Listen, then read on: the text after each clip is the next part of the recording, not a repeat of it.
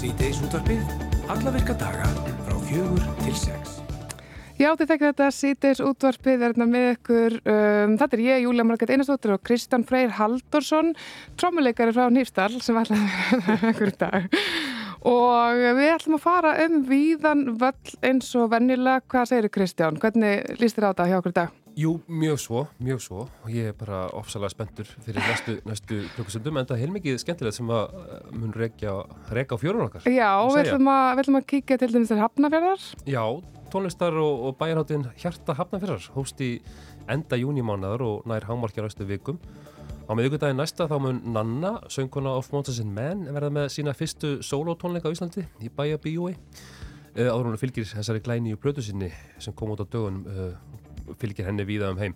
Síðdeis útarbið tók púlsin á nönnu í Hafnarfyrði fyrir í dag. Já, sannarlega. Um, þetta er mjög spennandi. En, en skjálfur jörð, ég til dæmis var vörfið það að rétt fyrir minnati bara eitthvað svo les, að hérna, það bara ég held að húsið myndi ekki hafa þetta og margir svona rökku uppi þetta. En sko um 11.900 skjáltar hafa mælst frá þegar jarðskjáltar hinnan hófst á Reykjaneskaga á þriðu dag. Svo stærsti af stærðinni 5,2 og það fundi held ég flestir fyrir honum svona í kringum þetta svæði þar sem að jarðskjáltarnir eigu upptök sín en það bólar ekkert á gósu þetta er orðið svolítið sem að byggja eftir gótu og það er ekkert allar að byggja eftir þessu og það er ekkert að gerast. En það eitthvað er í gangi. Hún Ari Pál Karlsson, hann er fréttamaður á Rúf sem hefur staðið vaktin en það síðust dag og hann ætlar að segja ykkur aðeins frá þessu. Já Þetta er spennandi, við erum alltaf með í magunum yfir þessu. En uh, hljómsveitin Pink X-Ray er splungunýtt kvennapop duo frá Reykjavík. Það er á sendt frá sér nokkuð lög og lýsa lagasmíðum sínum sjálfar sem tónlistur er heitt fólk. Vinklurnar Eðun Gíja Kristjánsdóttir og Margret Rún Styrmisdóttir Ísberg að kíkja til okkar og segja okkur frá. Já og það eru túristar út um allt, heimsóknir stóra skemmtifæraskip, allir Ísafjörðar hafa verið tíðar í sömar, um, Gestir skipana hafa sannlega sett svip sinna bæjarlífið og einn þeirra sem hefur staðið ströngu í mótöku gesta er Stengrimur Rúnar Guðmundsson, verslunarstjóri Eymundsson við Silvi Torg, en hann er líka vinsall trúbadur. Við ætlum að ringja í denna og forvitnast um bæjarbrægin á Ísafjörði á þessum stóruðum. Já, tónlistaháttíðin Skrapt fóð fram í Þórsöldin í Færaum um helgina. Í blandu þarlega tónlistafólk komu gestir frá Breitlandi, Danmörku og Íslandi fram þar á, á háttíðinni og spilu uh, meðal annars þar DJ Flugul og Gameskip, Hermigervill, Cell 7 og Gugusar. Nú Arnar Egger Tólundsen var á svæðinu og, og kemur beinustu leið úr flugulni til okkar. Uh, hann er alveg bara glóðvöldur. Ég trú ekki á sért ekki að nota tækverð og segja skrapt brandaram. Já, Arnar Egger skrapt til færi um helgina og ætlar að segja þér frá þessu öllu saman. Umvitt, Kristján Freyr er búin að vera mjög stoltur yfir þessu orðagrinni sín í allan dag, hann áður líka til. En fyrsta mála dagskrá, Sprelligósin Saga Garðars hjólaði til okkur í veðublíðinu. Hún er sestinni hjá okkur. Hún er reyndar á leiðinni norður þar sem hún og maðurinn Snorri Helgarsson muni tróða upp á minnjasafninu Akureyri á fymtudaginn. Takk fyrir að kíka til okkur það. Herri, takk fyrir að fá. Mér finnst sko eða svo ógislega skemmtilegt að hlusta á ykkur segja hvað ég er að fara að gera. Já, ég geti hlusta á tvo tíma þessu. Hérna, við getum alveg rettaðið eitthvað svona hérna klippa saman eitthvað já, saman alltaf byrjunina já, var ekki einhvern veginn, það nætti á dammalið eitthvað les já, maður, það er sem að fylgja svo miklu eftirvendingu bætist þetta í mm -hmm. En mér þú hérna svo körrent svo ég leiði mér að nota slæma íslensku og áttu heima á minnjasafni strax á Akureyri, eða hvað hva sko, minnjasafnið, það er eitthvað, eitthvað gríðilegt party place. Þau hefur bara sambandið okkur og sögðist alltaf vilja gera eitthvað ógislega skemmtilegt mm. og buðið okkur að koma núna á fymtudaginn, norður og uh, vera sem sé með uh, bæði uppistand og tónlist eh, saman. Og mér finnst ótrúlega gaman þegar við getum gert það saman, getum ég gert svona grína snorra fyrir framannan og meðan svona upp á svið þannig að fólk sér betur að hverju ég er að gera grínað Já, og svo spilar hann uh, svona ímist mjög svona þung uh, þjóðlalög eða mjög skemmtileg poplög Þegar þú ert að gera grína snorra er einhver svona, er eitthvað varðandi hann sem að þú mátt ekki fara úti? Hann hefur ekki eh, dreyið mér neyn mörg. Nei, einmitt. Nei, uh, þannig ég hef eh, svona bara algjörlega gengið á lægi með það sko. En þú ert ekki að reyna mörgin? Nei, ég er ekki að reyna særan. Nei. Ok, það er gott. Þannig að það verður enginn hérna óttast að það verður einhver sár hérna á, á seginu. Nei, það verður leðilegt að það fyrir maður að rýfast svona fyrir fram að fólk. Já, það verður ógeðslega leðilegt. En, en, en það var allavega enginn von á því. En hérna, hvenar ætlaði að skella ykkur norður?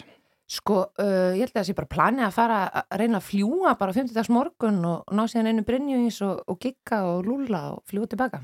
Það á að vera svo vond veður fyrir norðan. Við ætlum sko að gera okkur, ekki að ferð úr þessu.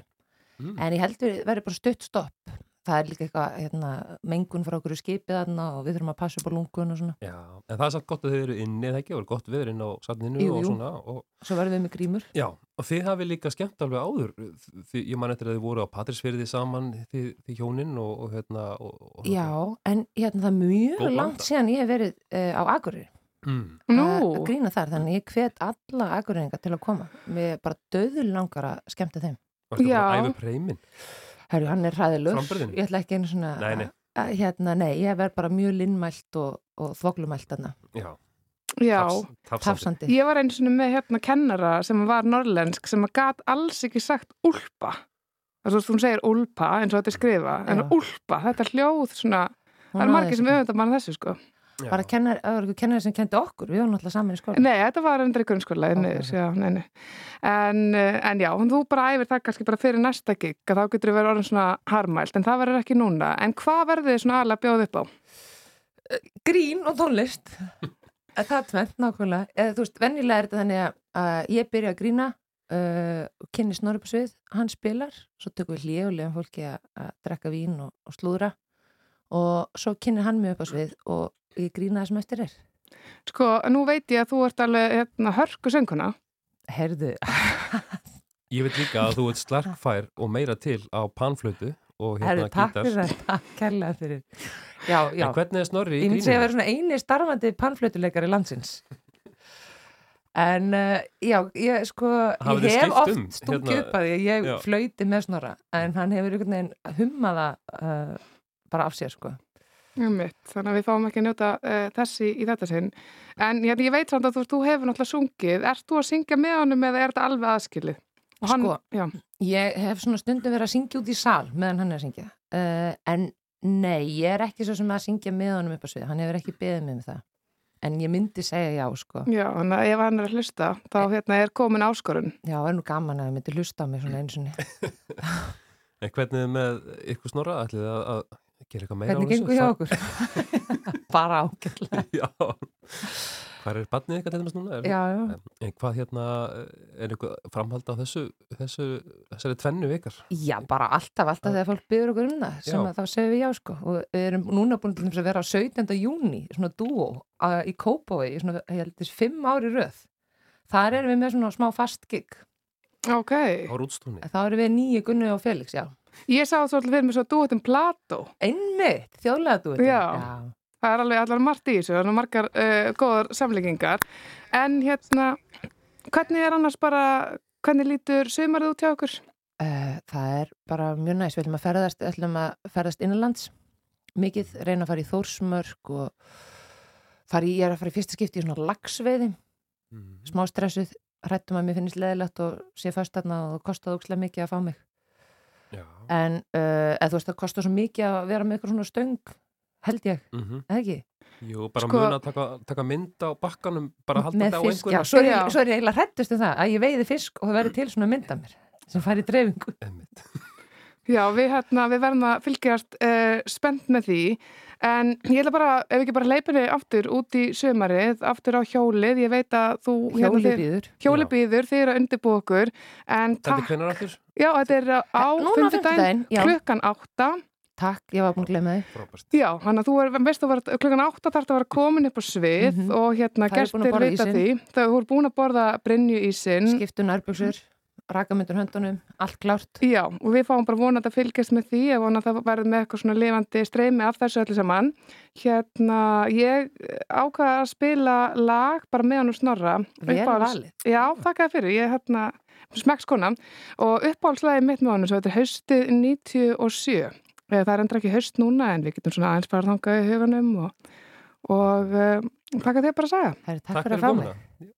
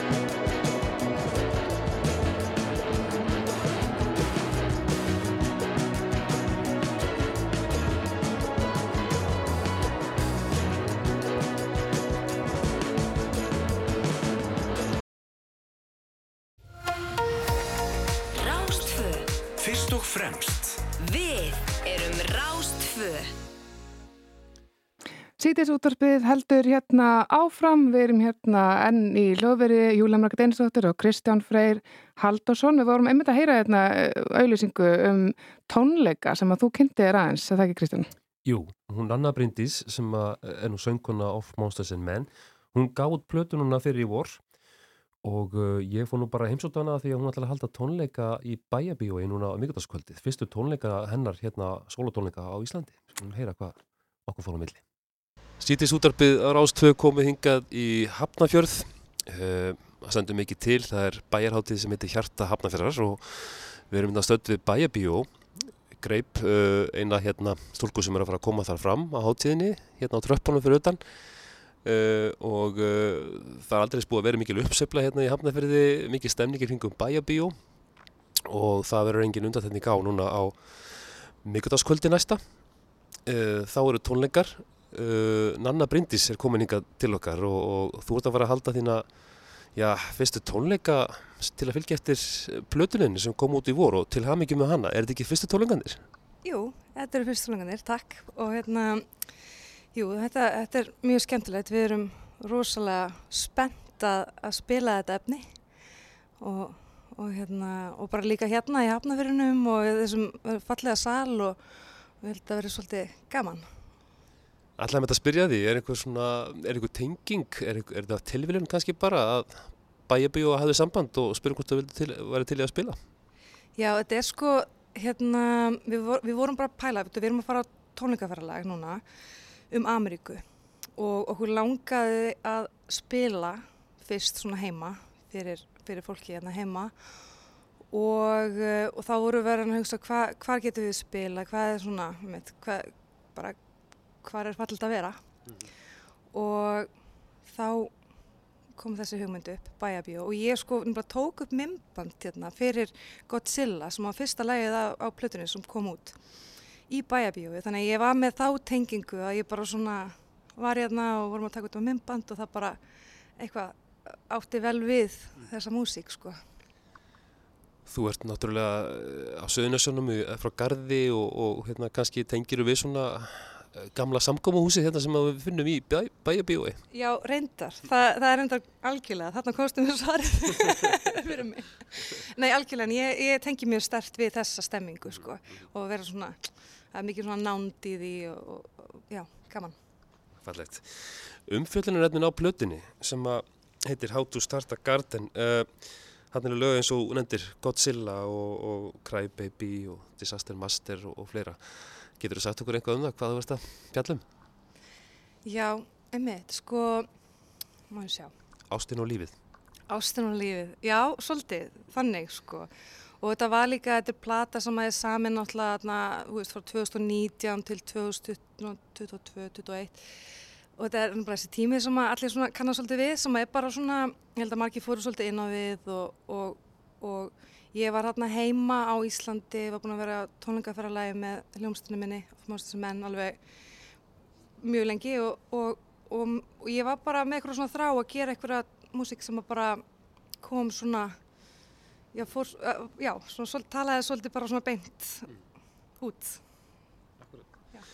Nákvæmlega uh, og þarna syngur líka, uh, held ég sé síðasta læginu, þá má heyra að þið syngja á íslensku, Já. það er ekki rétt? Og er þetta í fyrsta sinn sem þú syngur á íslensku og, og finnst þér kannski erfiðara að, semja svoleiðis?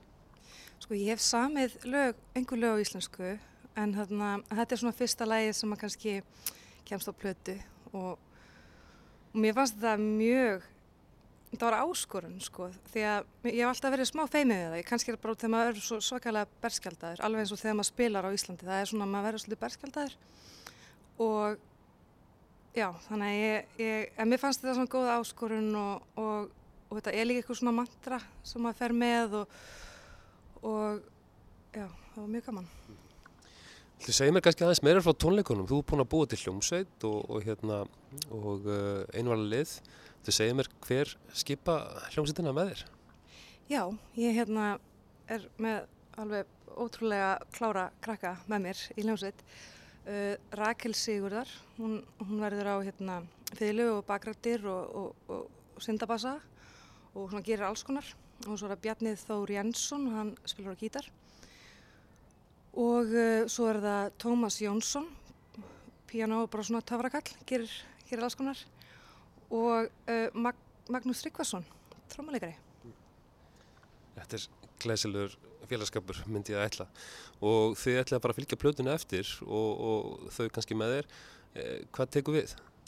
Já, við ætlum að fara að fylgja þessari plötu eftir. Við förum til um, Bandaríkjana og fyrstu tónleikarnir þar verða núna uh, bara eftir viku. Já, það er bara hérna mándaginn næstu viku. og við verðum út í mánuð og við, ætlum, við stefnum að, verða úkslega heitt og verðum sveitt og, og, og, hérna, og bara rosa mikið fjör. Hvernig er sko Off Monsters and Men uh, þá náttúrulega rosalegur uppgangur þegar kemur að því að, að fylgja sko fyrst með íslengur hljómsöndum uh, gera það gott en þessi uppgangur hann var svo bráður, hann var svo hraður allavega að mínu viti að fylgjast með ykkur uh, ég held að það getur verið gott og það getur líka verið slæmt einhvern veginn að, lenda úr einhverju svoleiðis. En, en hérna ég veldi svona fyrir mér hvernig þú sérð fyrir þér núna. Til dæmis finnst þér finnst þér ekki annað bragur á því og kannski að þú fáir smá svona andrými til þess að, fylgja eftir þínu en, en ekki stökkva einhvern veginn í djúbulöðina Jú, algjörlega, mér finnst þetta að vera sko eiginlega algjörlega frábært út af því að þetta er allt, allt öðruvísi. Og hérna og, og ég náttúrulega er núna að fara á stað með nýtt verkefni og, og, og hérna það er svo margt sem að fylgi því og, en þetta er, þetta er svo ótrúlega gaman því að svo, maður þarf að vera svo rosalega hands-on og maður líka má ekki flækja hlutina því að stundum stundum á maður til að, að flækja hlutina. En núna er maður bara er bara að gera og, svona já, er, en þetta er bara þetta er mjög hérna ég finn klárlega fyrir því hvað þetta er þetta er ólíkir heima sko Þannig að kannski að njóta þess bara að, að sígandi lukka sé stundum best. Já, sko, ég er allavega, mér finnst hérna, mér finnst svona ótrúlegt með allt þetta ferli, bara plötuferli núna og líka það að stíga hans út úr því að vera í hljómsveit sem að, sem að er búin að vera að, þú veist, túra mikið og, og, og, og svona gengið vel, að, að, stíga hans út fyrir þennan svona, á, ég vil ekki að segja þægindrama, en svona, þú veist, það er búin að kenna mér allavega rosalega margt og, og svona galopna mig kannski og, og, og hérna og heimurinn svona aðeins stærri. Það er bara frábært Má ég spyrja að lókum nána hérna með Of Monsters and Men, uh, vinniðina þar, uh, er þetta, þetta hliðasportið, er þetta ekki bara kærkomi frí fyrir hljómsittina og eru þið kannski, eru þið kannski bara farin að huga að næsta, næstu, næstu skrefum? Já, sko við erum að vinna í plötu hljómsveitin og hérna og eins og ég sé þetta svolítið fyrir mér einmitt, þá er ég að gera þetta og þetta er svolítið svona eitthvað sem ég líka um, hugsa að sé sko málur er þetta búin að blunda lengi mér og þegar ég byrja í músík þá er ég að gera dót bara einn og, og svo fer ég og, og, og við stótnum þessa hljómsveit. Þannig að þetta hefur alltaf verið svolítið svona hluti af mér og núna er ég að, setja fókusin í það og svo ætla ég svolítið bara að flakka á milli. En jú, svo, svo hérna ég held að strákunni séu bara fegnir að fá smá pásu. Svo verður nóg að gera. Já, en fyrst er það sjálfsögðu uh, miðgudagurinn, miðgudagskvöldið hér í bæjabíu og það er allar þú að, að, að uh, fylgjettir með fyrstu solotólegum hérna uh, á Íslandi. Og, og þú er ekki gert það já, ekki oft spilað á Íslandi, það er nú bara þannig, þú er búin að spila um allan heim en, en það er ekki oft sem að þú hefur tróð upp, ekki endilega.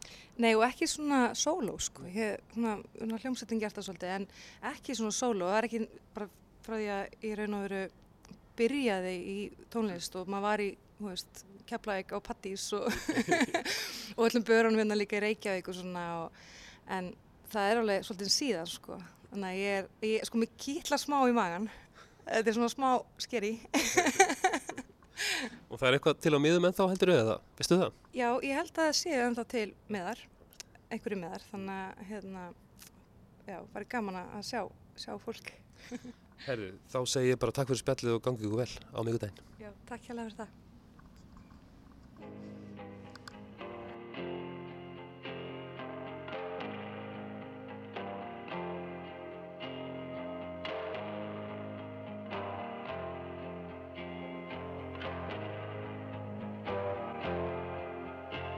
Do you love me? I can take it. Do you think we can somehow make it?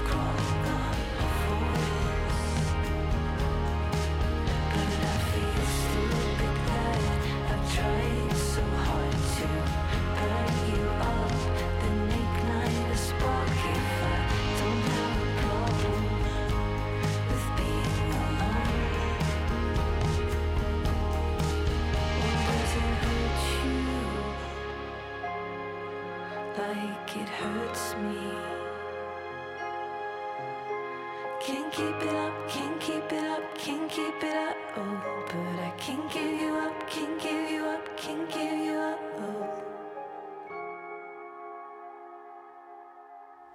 Rástvö Vefverslun okkar opinn allan sólarhingin. Útilegum Þarna heyrðum við Múkisson flytja nýtt lag Stóra, stóra ást. En Já, loksins ég og þú segir hann, loksins mun kannski einhver segja að þegar að, og ef það að gjósa, já, hérna það var nú eitthvað lítið bólað á þessu og maður veit að hérna síðan að skjáltar hrinan fór á stað, það er hvað komnur einhver tíu, nei, er að segja, yfir 11.000, 12.000 skjáltar eitthvað svo leis uh, og margir eru að stara á vefmyndavélina og það er meira svona veðmál í gangi um hvort og hvenar eitthvað fara að gerast, fólk er að greina að einhvern reik sem að svo reynist ekki vera neitt, það veit enginn hvort eða hvenar þetta verður en meira en við Kristján Freyri málið um, veit hann Ari Páll Karlsson fréttamaður, um, hann er mætturinn til ykkur, hæ Ari, hvað segir hvað, hérna, hvað er búið að vera frétta í dag? Ég veit að þið hafið staðið vaktina, þú ert búin að taka einhver viðtölu sérfræðinga, getur þú sagt okkur eitthvað svona hvernig staðan er? Herru, það sem er að frétta í dag er að við býðum enn, eins og þú segir, við störum alveg á, á þessa vefmyndavél. Ég er núna á fymta degi af átta dögum samflitt uh, og þreytan er smá farin að segja til sín en ég er samt, uh, mér langar að segja spenntur sko, ég er, spe ég er spenntur, Mm. uh, en þetta er samt búið að vera smá eins og að horfa á skrýnsegur í tvo daga samflitt sko, eða fymta samflitt. já, emmitt, ég get alveg ímyndum það. Við erum held ég vöna þessu sem þjóð að hérna glápa á sama hlutin lengi og býða. Við, við sko býðum hérna einhvern tíman og horfðum á hurðina á höfða og, býðum eftir að Rekan og Gorbátsjó komi hér að utan að fundi. Ég man þetta þeirri útsendingu þegar ég var lítill krakki sko og svo, svo meira náttúrulega með Keiko. Þar horfðum við heillengja útsendingu og býðum eftir flugvel. Þannig að ég held að við séum svona, uh, við erum þólumóð. Akkurat, En akkurat. þetta er orðið svolítið, hérna, er þetta óvinnulegt, Ari, að, að, við, að það sé ekki komið gos ennþá með að þessar hræringar? Sko, nei, ég myndi ekki með það sem ég hef heyrt frá sérfræðingum núna um helgina, þá, þá er þetta ekki óvanalegt. Þetta er, þetta er í rauninni alltaf svona, þetta er náttúrulega þriða gósið okkar núna á þreymur árum. Uh, ég meina, þetta er alltaf, alltaf, í mínu starfi sem fréttamaður hefur þetta alltaf verið þannig, maður er ótrúlega spenntur þegar eitthvað fer að gerast.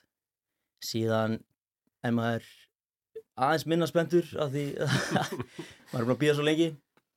Síðan verður maður bara eiginlega pyrraður, bara, heyrðu, ok, þetta er ekki að fara að gerast. Þegar maður verður svona, að ok, það verður ekki gos. Síðan kemur gos. Þannig að, Já, meðan að þú ert ennþá spenntur, þá kannski gerist lítið, en um leið að þú ert alveg búin að sláta á borðinu, þá getur farið að gjósa. já, í rauninni, Alltaf sér svo leiðis. ég held að sé svolítið það. En-. En með það sem sérfræðingar er að segja núna, skjálta virknin er orðin minni. Hún uh, hefur í rauninni verið minni núna í einhverja tvo daga. Uh, og það, sko, það er fyrirbúðum gos í fyrsta lagi. Uh, síðan er, síðan uh, jarð, sem sagt, kvikan hefur verið að berjast við ysta lag jarðskorpunar núna síðan á laugardaginn og í gær sagði hann Benedikt Ófursson við mig að uh, það geti gósið á hverja einustu stundu og það er búið að vera í rauninni viðvanandi ástand í eitt sólring. Einmitt, okkur var til dæmis tilkynnt vegna þess að það þarf að rjúfa útsendingu ef að til þess kemur, þannig að maður líka svona horfið svolítið á hurðina, er einhver að fara að æða hérna inn og, og segja einhver að hætta að tala á, hérna, að greina frá þessum fregnum og maður er einhvern veginn, þetta liggur einmitt í loftinu en maður er orðin svona svolítið langegur, en það sem ég veist líka svolítið áhugavert í allar umræðina um þetta gós er að það er svolítið svona manngert, þessi kvika er svona manngert alltaf var að segja frá því að hún er eitthvað að reyna, hún er byrjað að banka núna svolítið ofalega eitthvað svona, en það, henni gengur ekkert í þessu, eitthvað, maður er bara farin að halva orkinni. Einmitt, einmitt, já, hún er svolítið búin að vera alveg að krafsa hann á ysta lagið nú í daga.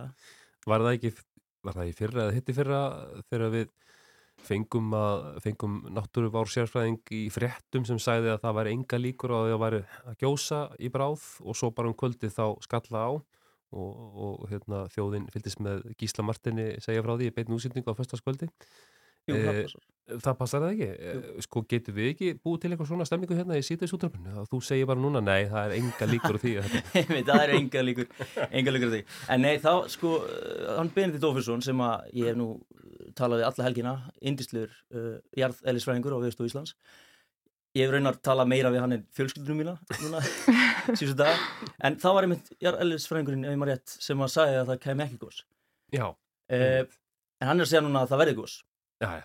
Þetta það er gífurirtu maður, já, einmitt. Eða svona, máli er að það, svona, fólk er mitt, maður sér alveg að þú veist að það er sérfræðingar, það er líka hægt að slá neinu föstu og það er eitt af því sem er mér magna bara við náttúruna. Það er ekki að slá því eins og föstu að það kjósi yfir höfuð, en fólk fer oftast valega einmitt í að lýsa einhverju yfir í ljósu þess að það Já. getur verið að standast ekki. Þetta er svona hugleðinga náttúruvors sérfræðinga. Já, akkurat. Hvað hérna, Ari, það er mörg, uh, sko, það koma mörg hérna, orðin, nýjirði og eitthvað sem að maður heyrir, eins og til dæmis skikkskjálti, heyrði ég talaði um í gær. Já, já, gikkskjálti. Ég, ég fór á, ég fór út í helgina ekki vitandi hvað það var og nú er, er ég svona næst. Ég veit allt. Ég- Gikkskjálti er orð sem að ég held ég myndi aldrei vita hvað það er. En, en, en uh, vil ég vita hvað það er? Endilega. Einmitt, sko, gikkskjálti hefur nú riðið yfir við klefavatn. Það er svona það sem við höfum verið að segja í Mhm. útarfinu núna síðustu dag. Uh, en gikkskjálti er sko uh, á mannamáli er það þannig að uh, þegar að eh, sagt, kvikan er að brjóta sér leið þannig á Reykjanesi þá hefur það áhrif á aðra sprungur í kring eins og Mhm. á, á Suðurlandinu og þannig. Þá koma harðari skjáltar þeir eru harðari, eða þeir eru sko þeir eru svipa harðir á Reykjanesinu kannski aðeins harðari, því þar verða mestu skjáltanir en þeir eru líka nær höfubrúksvæðinu þannig að á höfubrúksvæðinu finnast þeir mest Mm. en gikkskjáltin í gær klukkan hálf tíu uh, hann var hann var harðasti skjáltin Já. uh, í aldrei þessari hreinu og hann fannst um allt land 5,2. 5,2 stærð Akkurat. Þarna var kveikan greiðlega bara hann reið, sko. Já, já. En svo ég kvóti nú hann jarðalveg fræðing sem að ég, ja, sérfræðingi jarðskjálta, hann Já. Benedikt, mm -hmm. Mhm. ekki alveg hvers svona hann er. Ófeksson? Eða hvað? Nei, ekki, ekki það er annar. Benedikt, það er kollegi, kollegi hans. Mhm. Uh, hann sagði, þetta er afleiðing, nei, algeng afleiðing aflögunar sem einskotin valda. Mm. Þetta veist mér vera frábær loka orð, Ari Páll Karlsson, takk hellega fyrir að kíkja til okkar og skýra þessi mál fyrir okkur. Við höldum að fara að fylgjast spennt með. Gerða ekki. Takk hjá það. Síðdeisútvarfið á Rástvö Rástvö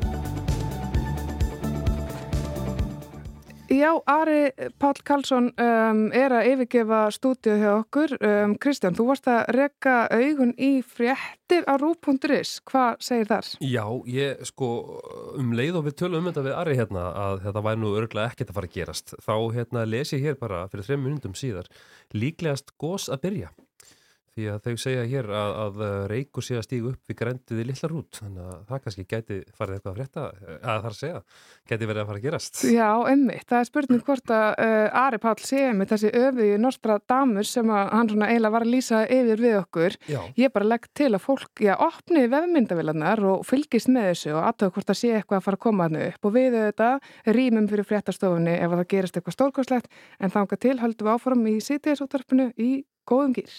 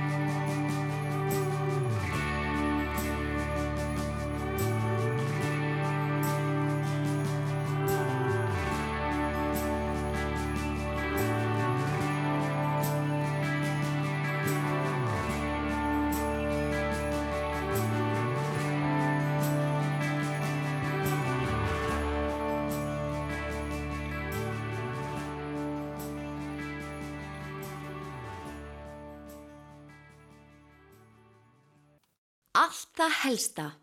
Síðdeis útvarpið Frá fjögur til sex á Rás 2. Já, um, sko, litli hrútur, hversu dásamlegt örnefni er þetta? Þetta er krútlegt. Þetta er eitthvað ægilega sætt, en ég ætla bara að fá að taka strax tilbaka sem ég var að segja áðan að ég var að hvetja fólk til að reyma þessu gönguskona, það er vist ekki mælt með því að maður sé að væplast þarna í kring eins og staðan er, en við bara höldum á að fylgjast með þessu, Kristján, þú kíktir aðeins á vefmyndavelina, það var mikill reykur. Já, sko, þetta er búið að vera mjög spennandi þáttur eins og við spáðum þetta strax. Já. Við heldum reyndar að við fipast um en þetta kom svona algjörlega, hérna, Uh, já, framann í okkur allt saman, að þetta gós var að byrja. Um leið og við vorum að gantast með það, við ætlum að, að snúma þessu við einhvern veginn og, og, og lýsa því hér yfir að þetta það myndi ekkit gjósa á næstunni þá bara gerist það á sömu mínútu. Já, það verður sem að við búum yfir einhverjum galdra mætti sem ég vissi ekki að fyrir en við getum kannski notað okkur þetta eitthvað í framtíðinni. En uh, hingað eru komnar tvær ungar konur, ungar um, tónlistarkonur um, og þær heita Eðin Gíja Kristjánsdóttir og Margrét Rún Styrmisdóttir Ísberg þær skipa svolítið spennandi hljómsveit sem að kalla sig Pink X-Ray og er splungunýtt kvennapop duo frá Reykjavík. Hæ Stelbur. Hæ.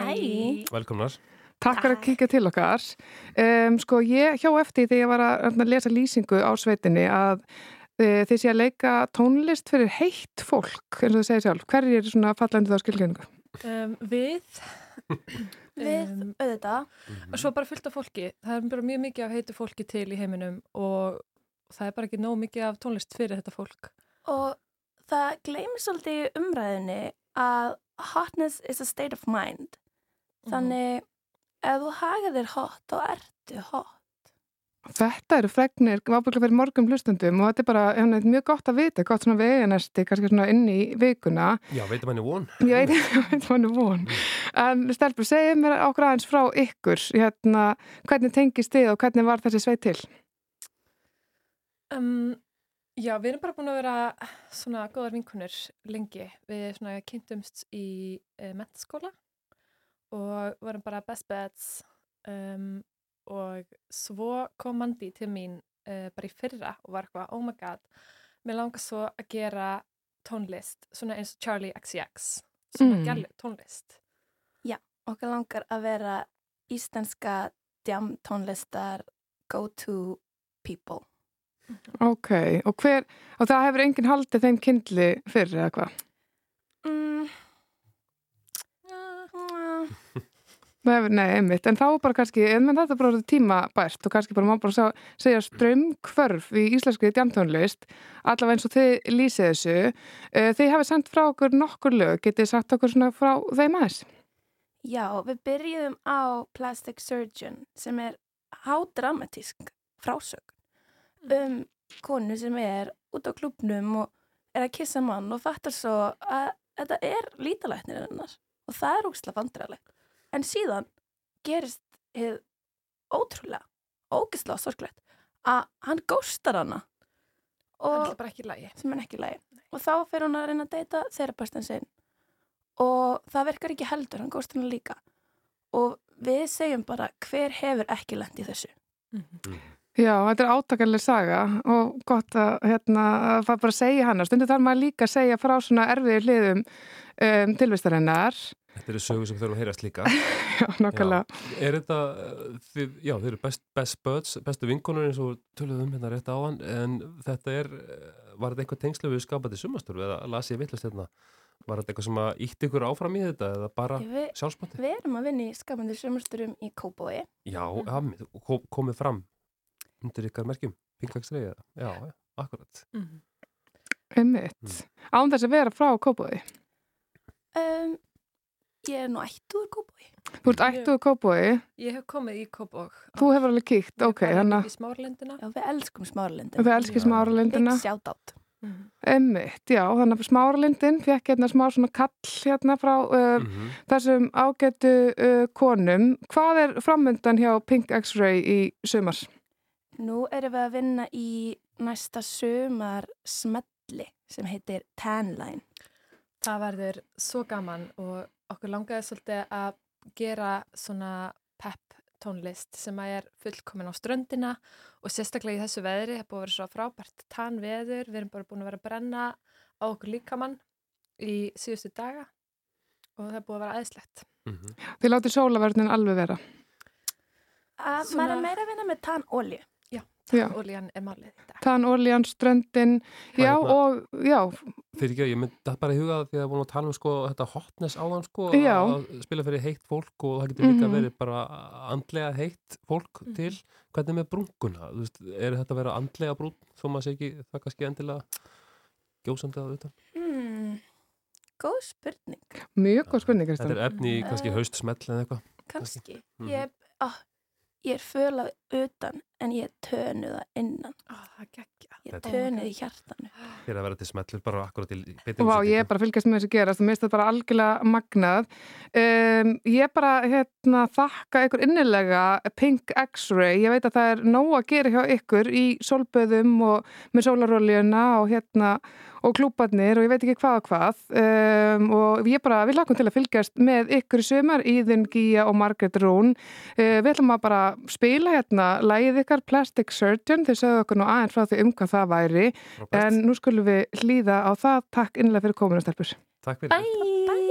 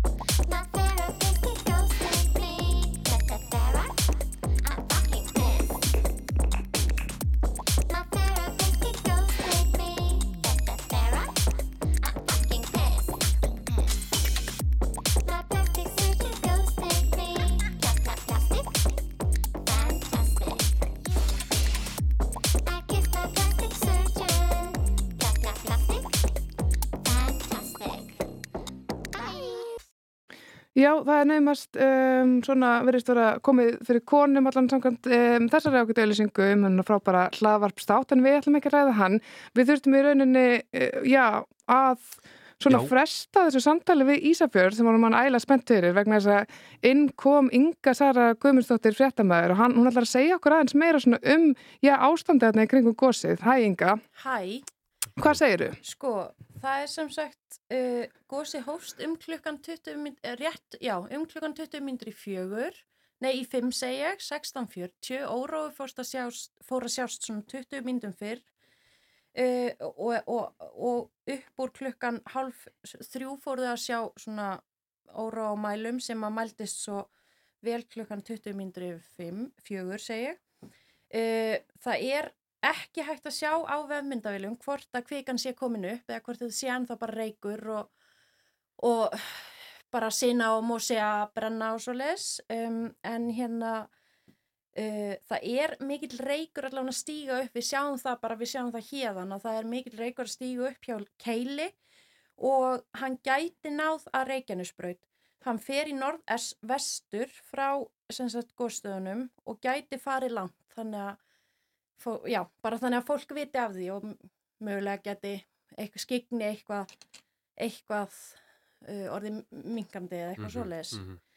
já, Smakkur. þannig að þetta er svona nýjasta en við erum bara að Þessi staðsetning, Já. Þetta er hérna litli hrútur þetta er litli hrútur og hann er svona kannski, hvað maður að segja, milli Faradalsfjalls eða þess svæðis og, og keilis hérna, Já, þetta nær er- keili kannski. Þetta er, já, þetta er í raun bara á þessu svæði sem að uh, Mm. jarðvísindamenn sögðu að kvikan myndi komu. Já. Bara þarna einmitt á milli Keilis og, og Fardalsfjalls bara mm. nánast í beinni línu eftir gos, gosinni í fyrra sko.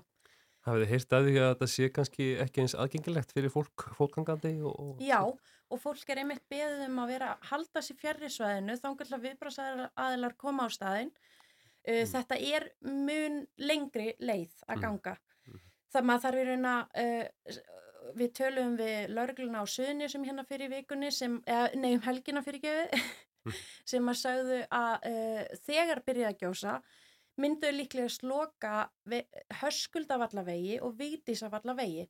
Það höskuldavallavegur er svona bara lélegur malavegur sem að liggur frá Reykjanesbraut Vallavegur eins og hún sagðir. Já, sem að liggur frá Reykjanesbraut uh, bara að keili Mhm. og hann er ekki ætlaður almennri umferð Nei. þeirra sem ætla að sjá svæði. Þetta er lélegu malavegur, hann heldur ekki mikill umferð þannig að hann verður lokaður og vítisavallavegur og fólki verður beint bara að sömu göngulegum og voru í hinum tveimu. Einmitt, já, maður getur ímyndað sér að það sé margir fann að yða í skinninu að fara að skoða þetta. En það er orðið búið mikið sport að að kíkja á þessi gós en kannski í byli er já hyggilegast að halda sig fjarrri eins og Inga Sara segir okkur. Við þurfum bara aðeins að já, sína smá byðlund, leifa viðbrasaðilum að bregðast við og, um, og fylgjast bara áfram með. Algjörlega. Og það verður nóg að gera ykkur það ekki Inga Sara? Heldur betur, fréttastofan stendur vaktina eins og all- alltaf. En við sagt, það verður, það verður bara áfram fylgst með, með svo á vefnum okkar og í útvarpinu. Við komum regluna, reglulega hérna inn í útsendingu og náttúrulega útvarpsfréttir klukkan 6 og sjónvarsfréttir klukkan 7 þannig að það ætti engin að, að hérna skorta, ætti engin að skorta upplýsingar. Nei, einmitt. Þannig að það er bara stöðu vakt á, á rú.is. algjörlega, stöðu og styrt vakt Já, við erum heldum áfram þá að var vel upplýst og um, þið standi vaktina. Um, ég bara þakka þið kella fyrir Inga Sara að bregðast svona skjótt við að kíkja til okkar og við höldum áfram að fylgjast með sjálfsög. Takk fyrir. Á leiðinni heim, síðdeisútvarpið. Frá fjögur til sex á Rás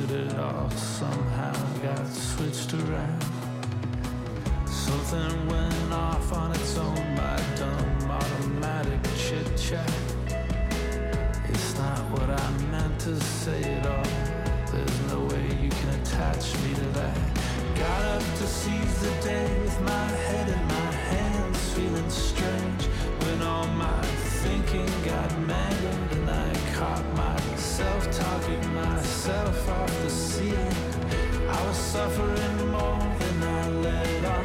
The tropic morning news was on. There's nothing stopping me now from saying all the painful parts I'd like.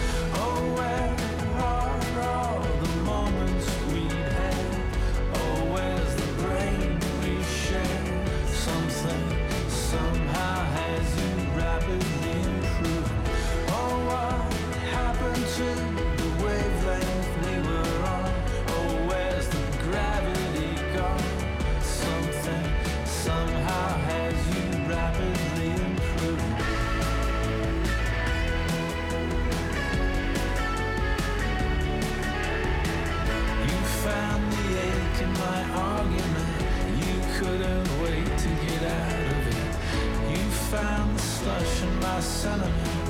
You made it sound so intelligent. You can stop and start an athlete's heart. How do I feel about it?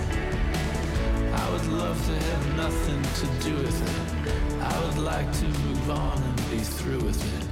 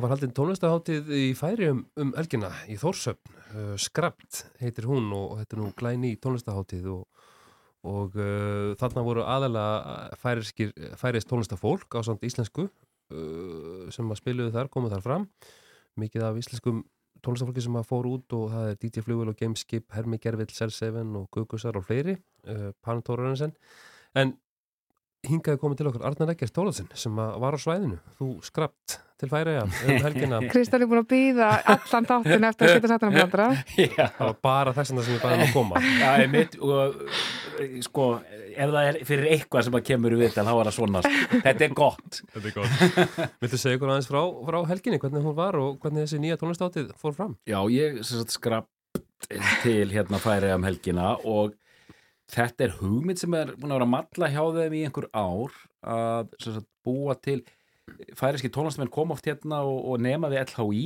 þannig að þeir fá svona reikin af réttunum í sambandi við tilrauna tónlist og þeim langaði til að hafa sagt, tónlistarháttið sem myndi svona einblýna á jaðartónlist, tilrauna tónlist, framsækna tónlist Mm. og það er dálítið punkturinn með þessari háttið að reyna að búa til einhvers konar vöggu gróðurhús fyrir þetta svo að það geti þrifist að núti að því að e, mannskapurinn er bara það lítill að núti í færum að þetta er aldrei erfitt að pússa svona músík, það er ekkert mála að vera með svona meginströmsmúsík, þetta er erfiðara Já, einmitt En það, það hefur verið sko, einhver samgangur á milli og hérna bæði okkar tónlistafólks og, og Mhm. þar lendis og já, G-festival er þannig náttúrulega á næstu, næsta leiti Já, en já. þessi hátíð, hún, hún er í Þórsöfn hún er í. Þórsöfn, já og, og var hugsuð sem svona, svona svöl borgar hátíð. Mhm. G-festival er svona út á landi e, í þeim skilningi. Og það er rauninni, hann kemur hérna Pan Thoransen sem e, hefur haldið utan um Extreme Chill Festival. Einmitt. hann er rauninni kemur hann út bara með, með sína sérfræði þekkingu og sen er hún Sunneva Háberg Eisturstein sem er eitthvað sirkus þarna í Þórsöp hún kemur að þessu líka Og var hér búsettað ekki í Jú. Reykjavík einhvern tíma? Jú, þannig að þetta var svona, þetta svona hræri grautur af einmitt fólki sem hefur verið að núti og verið hérna og bara svona já, samstarfæringa og, og, og, og Íslendinga að búa þetta til Mhm. og frábært, ég meina það er rosalega mikið af tónlistarháttum að núti miða við mannfjölda, svo ég já. notið það spil Mhm. það eru jazzháttíðir og klassískar háttíðir og það eru sko sumarháttíðir og það er G-festivalið og meira og meira sko en mér finnst þetta sniðut hérna og vonandi helst þetta hérna því þið viti hvernig þetta er og, og þú Kristján að hérna umhverfið þarf að vera til staðar þetta er alltaf erfitt að vera einn í herbergi sko. Jú, jú. Man, man eftir ykkur, vest, ykkur vestfyrðingum sko, þið, svona, þið voru duglegir að sækja bara liðið til borgarinnar sko, Já, já. til að fá hugmyndir og, og, og ferskleika og, og, og bara eitthvað stuð sko. Einmitt. En þetta var ekki bara tónlist, var ekki, sá ég einhvers konar ljóðalestur inn við, hérna? Jú, líka hérna ljóðalestur sem var bara hafa bara mjög flott og, og, og, og það er líka alltaf á G-festivalir hérna ljóðalestur og hérna það var eitthvað eðlilegt við þetta hérna þeir eru eitthvað svo eðlilegir með allt svona sko. þú veist, hérna, hérna ringdansin og allt þetta sko. þú bara hendir í eitt dans bara út á götuhotni sko. þetta er aldrei neini, neini sapgripir Þetta vantar svolítið okkur, svona, Já. hérna, þetta með að vera með sama dansin sem við kunnum Já. og svona, já, þegar ég sé fyrir mig færaður erum við allir í, í ringdansi og einhvern svona þjóðbuningum og, Já. og eitthvað svona, svona eitthvað fjöll og grótleit og mér finnst þeim þessi ljóðarlestu passa einhvern veginn rosalega vel í þessa stemming sem þetta lýsa og þetta falla landsla og svona. Hvernig var veðrið? Uh, veð, ve- veðrið, þeir eru svona að díla við svipað og við sko, það, það kemur alltaf mikil þoka þarna Mhm.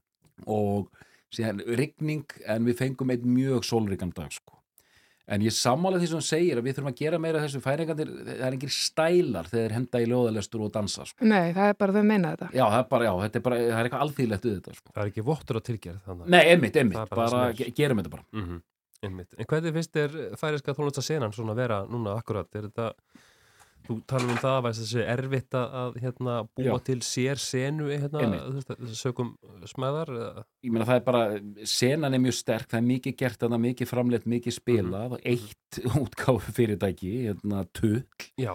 en hérna, það verður bara að segjast eins og er, það hefur kannski vantað aðeins meiri, sko, hérna, galsa svona tilrauna galsa að ég tók bara eftir fyrsta kvöldu að koma færiski tónlistamenn og spiluðu allt, allt er góðu, Mhm. síðan kemur DJ Flugul og Gameskip og ég, þá horfði ég á færingana bara á andlitin af þeim og, og þeir andlitin sögðu svona má þetta?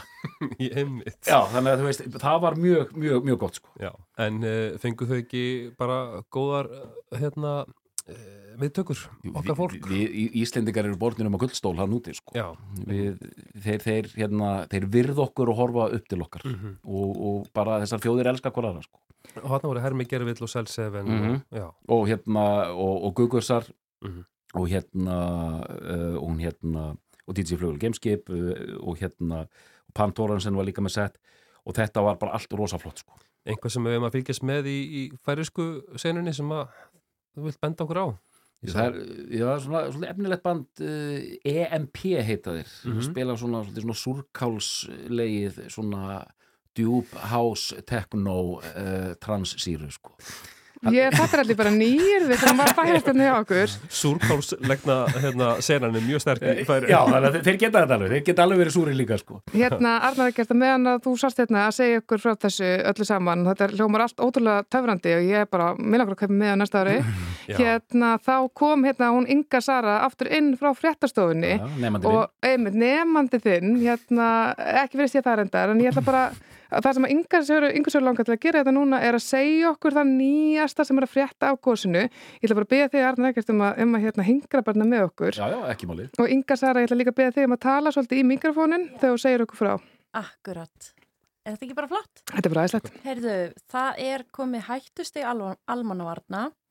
Uh, Ríkislauglustjóri hefur líst yfir hættustegi og hvetur fólk til að fara ekki nærri upptökum elgósins. Uh, þetta er 200 metra löng sprunga, samkvæmt því sem viðstofan segir núna. Uh, og kvikustrókar standa upp úr henni. Og það er uh, einmitt mynd á að það er lönganga að gósinu og landslæðið er krefjandi. Og það er einnig möguleiki á meng, svona gasmengun og svona reykjarmengun frá gósinu. Hún gæti, hún, ef að það mælist mengun, þá mun hún hafa áhrif á reykjaneska og nálægsvæði, mögulega höfuborgsvæði. Af því að það er svo stilt veður, það er eiginlega engin vindur, þannig að mengun er ekki að fara að bera sneitt, hún verður bara á svæðinu. Og það getur oft gerst í, uh, í svona gósum það að sem sagt svona, svona þingri gös, uh, kolmonoxíð og alls konar svona brennisteins uh, mengun og alls konar þetta getur lagst, leggst í lægðir þannig að það, við vitum að þetta svæði, eða við kannski vitum ekki all, en þetta svæði á Reykjaneska þetta er uh, erfitt landslag, þetta er læðótt og hæðótt og þannig að þarna getur leinst hætta fyrir fólk sem að kann ekki uh, já, bara fólk sem að bara fólk á að geta verið þarna nema, Mhm. nema uh, við bara sæðilega leifi Þú varst að tala um áðan að, að reykurinn, uh, hann lægi í norðaustur átt, er, það, er hann þá að, að hérna, leka svolítið yfir reykjarnesbrautina, haldið þið? Uh, við, við erum ekki alveg komið það á reynd en, en hann, hann virðist vera bara frekar staðbundin á svæðinu eins og er. En hann svona, já, hann leiðir í áttina Ekki meiri vindur en svo, einmitt. Nei, einmitt, það er svo lítill vindur að reykurinn í raun berst ekki langt, hið minnsta. En er þá ekki þýmun meiri í rauninni mengun á svæðinu ef að það er logn? Jú, það, það nefnilega, þá kemur kemst engin reyfingaloftið og, og þá getur hérna, getur þetta mitt lagst í þessar læðir og, og getur bara skapa hættu ástand. En vísindamenn eru að fara að fljúa núna í þyrlu, landtilkiskeslunar, yfir svæðið um, og ég heyrði nú bara út undan mér á fréttstofuna aðan að Magnús Tumi Guðmundsson sagði þetta nú ekki kröftut gos enn sem komið er en já og það bara þetta er held ég allt sem ég, ég ætla að segja í byli Já. Bara vá, þetta er þannig svo rosalega, þú ert búin að vera uh, mjög góð í þessu upplýsingaflæðin til okkar Inga Sara Guðmundsdóttir. Takk hérlega fyrir að kíka inn til okkar aftur, hvað segir Já, ég kannski bæti einu við að Já. það er ekki neyðarstig almannavarna eins og var síðast Mhm. Uh, við munum náttúrulega þá var uh, einni heimsvaraldur Mhm. uh, en það er að, að komi hættusteg núna. Og e- einmitt bara endur taka fólk er hvað til að vera ekki á svæðinu. Í, að óþurfu Þegar á fréttastofunni halda áform að halda okkur upplýstum eins og þau hefur gert og við náttúrulega fylgjumst með, við getum fylgst með á rú.is, það er hérna beint, uh, beint streymi bæði af svæðinu, þeir eru með hérna beinan fréttaflutning og uh, svo eru fréttin alltaf klokkan 6 hérna hjá okkur, Já. þannig að það er nóg að gera hjá þér, Inga Sara. heldur betur og það má örglega búast við við að mér í fréttatíma þá Já, við bara hérna fylgjumst Takk þetta spennt með þessu, takk fyrir þetta og takk Arnar Eggert fyrir að taka því með svona mikill ró að það væri gerð hérna innrás frá fréttastofunni. Já, já. Ég, hérna, ég, ég sendi á skeiti á Kristján og sagði höldum við plani og hann sagði við höldum plani þrátt fyrir náttúruhamfarir. Mér þótti mjög vænt um það sko. Og vá, Að einmitt. mú- Músíkin skiptir svona miklu máli. Sko. Já, og líka bara þú var í rauninni tekin fram að náttúrulega Já. einhvern veginn svo leiðis. En já, planið er reyðlega hérna aðeins en auðvitað okkur þykir mikilvægt að, ég halda fólki upplýstu og, og fréttastofun hefur sannlega staðið sig vel í því og hefur hérna sint sín hlutverki að því leiti og við bara þakkum kella fyrir það og haldum áfram að fylgjast með þessu öllu saman. Mm þá er ég bara að sleppa þér hérna já, út í sömarið, Arnar Mhm, Eggert. mhm. Takk fyrir að kíkja til okkur aftur. Við ætlum að spila lag með mannesku sem að kom, fram á. Já. Helgina, já, heldur að verði ekki framhald á þessari hátíð, Arnar, og, og hún muni vaksa? Jú, mér sýnist það því að Sunneva og félagar eru, þau eru með kerfið í gangi, þau eru Já. vön sko. Þannig að ég held að það er lítið mál og mjög góður stöðningur frá færisku tónlistar hérna útflutningskrifstofunni og svo framvið sko og hérna Visit Ferriðar þau voru alveg fullu hana líka sko. Og þetta var sammeilegt verkefni einhverja hérðan líka eða, eða hvað? Tókuðu þátt í undirbúningum einhvað af þessu fólki sem heimsótti hátíðina í ár? Já, það var aðalega sko Pan og hans hérna Extreme Chill hérna reynsla og síðan bara þessi listamenn sko. Já. Við erum þetta lít, lítið fyrir búrokrasi hérna í Íslandi. Við bara drifum okkur út sko. Herri, þú varst bara að lenda hérna rétt í þessu og komst beint til okkar og, og kæra þakki fyrir að koma og segja ykkur frá þessari spennandi tónlistaháttið. Minnsta mál. Takk, takk.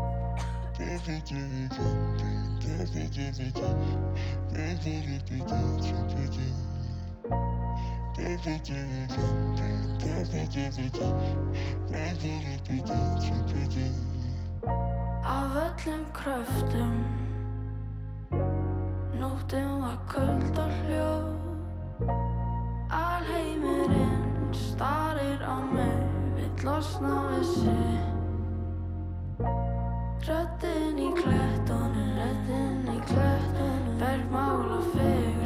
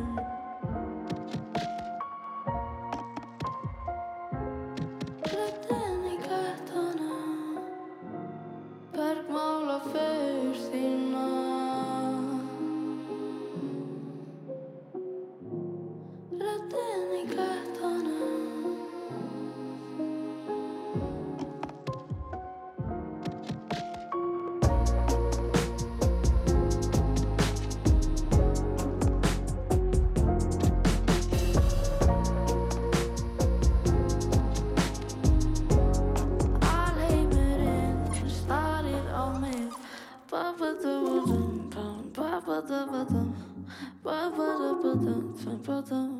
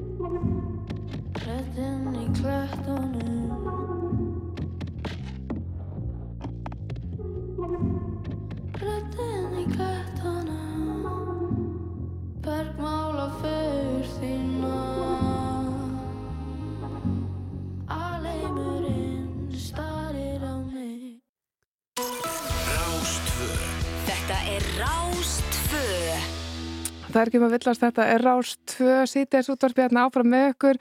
Eh, Ég heiti Júlia Margert og með mér sittur Kristján Freyr. Þetta er búið að vera ansi, já, skrautleg vakti okkar Kristján. Alveg. Einmitt.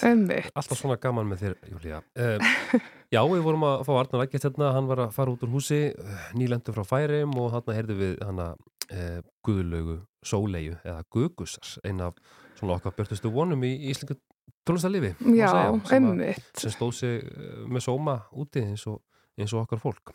Já, og það er nú hérna alveg hennar von að vísa og hérna hann Arnar ekkert myndist einmitt á það hvað hérna hún væri alltaf rosalega flott þegar hann kemur fram. Það er alveg bara, hérna þetta var eins og væri bara hvers, hverjum líkt hann henni við.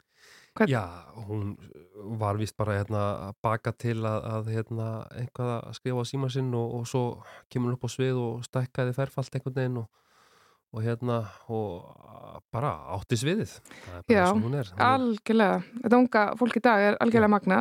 En já, það er eins og, já, það, en sko það er ekki farið um neinum að það er uh, byrjað að gjósa. Uh, við höfum fengið fréttastofuna hérna inn húnna þrísvar síðan að við settum þetta niður klokkan fjögur. Alltaf með nýjar og nýjar uh, fregnir af ástandi mála og, og margir eru svona að spyrja sig mitt hvernig staðan er.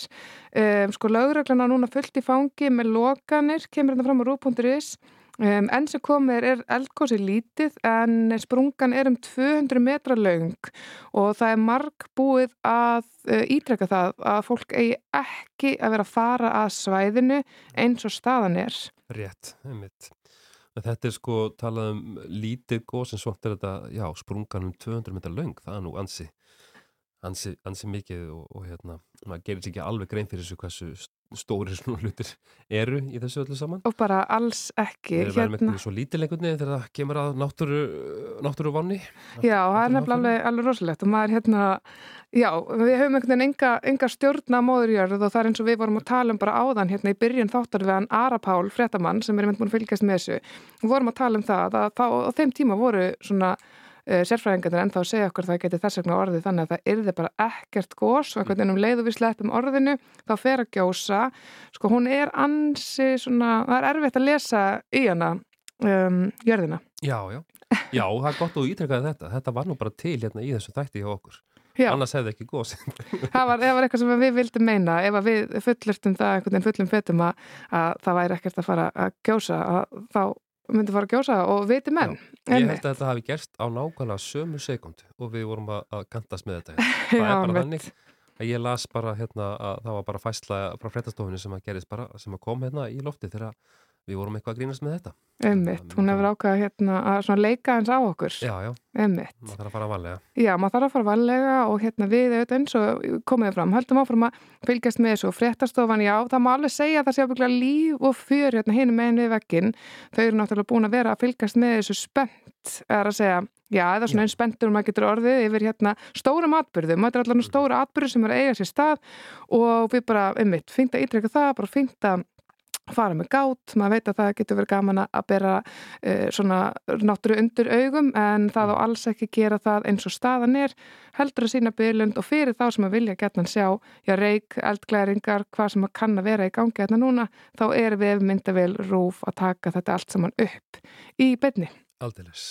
Það steytist svo í fréttir hjá okkur Kristján. Já. og uh, já, það má alveg leiða líkum á því að þá verði farið betur yfir þessi mál. En já, eftir svona nokkuð viðbyrðaritt síðdeis út og arp þá held ég bara sér koma að því að við kveðjum.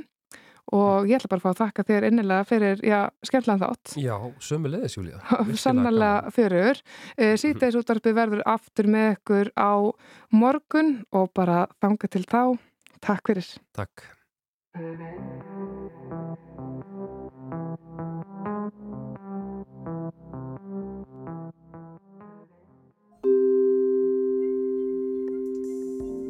Sólarfrí, sólarfrí með úrval útsýn frá 99.900 krónum uu.is Vegfærandur aðtugið vegna malbygguna framkvæmda verður loka fyrir umferðum ringveg frá hveragerði til Reykjavíkur frá klukkan 21 á þriðudagskvöld 11. júli til klukkan 5 aðfaranótt miðvugdags 12. júli.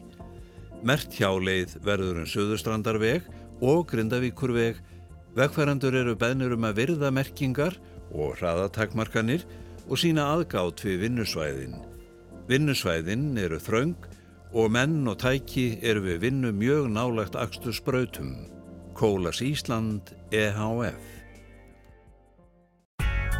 Framúrstefna BMW. Snerpa, kraftur og fullkomin tækni. Komdu, skoðaðu og reynsluaktu rafbíl framtíðarinnar frá BMW. BL Sævarhöfða. Hurðapumpur frá Gese. Járn og gler skútúi. Járngler.is Heimilismatu fyrir svanga. Matstöðin Höðabakka. Osprey bakbókar í miklu úrvali. Kíktu við á smiðjuvegi 8, gegisport.is Má bjóða þér að reynsluaka bíl ársins, rafbíl ársins og bestu hönnun ársins samkvæmt World Car Awards. Hyundai Ioniq 6 er mættur í síningasalinn. Komdu, sjáðu og reynsluaktu þreföldum heimsmeistara. Hyundai Kauptúni. Landmark fastegnamilun. Landmark leiðir þig heim. Ertu að spá í hvernig þú veldar húðina fyrir sólbruna og skordýrabitum? Kondu og fáðu góð ráði á okkur. Apotekkarinn læra verð. Sumarvikur eru líkilvikur. Veldu þér fjórar vikur í sumar og dældu með OB likli á 25 krónu afslætti allan þann tíma. Veldu vikur eða náðu þér í likil á ob.is.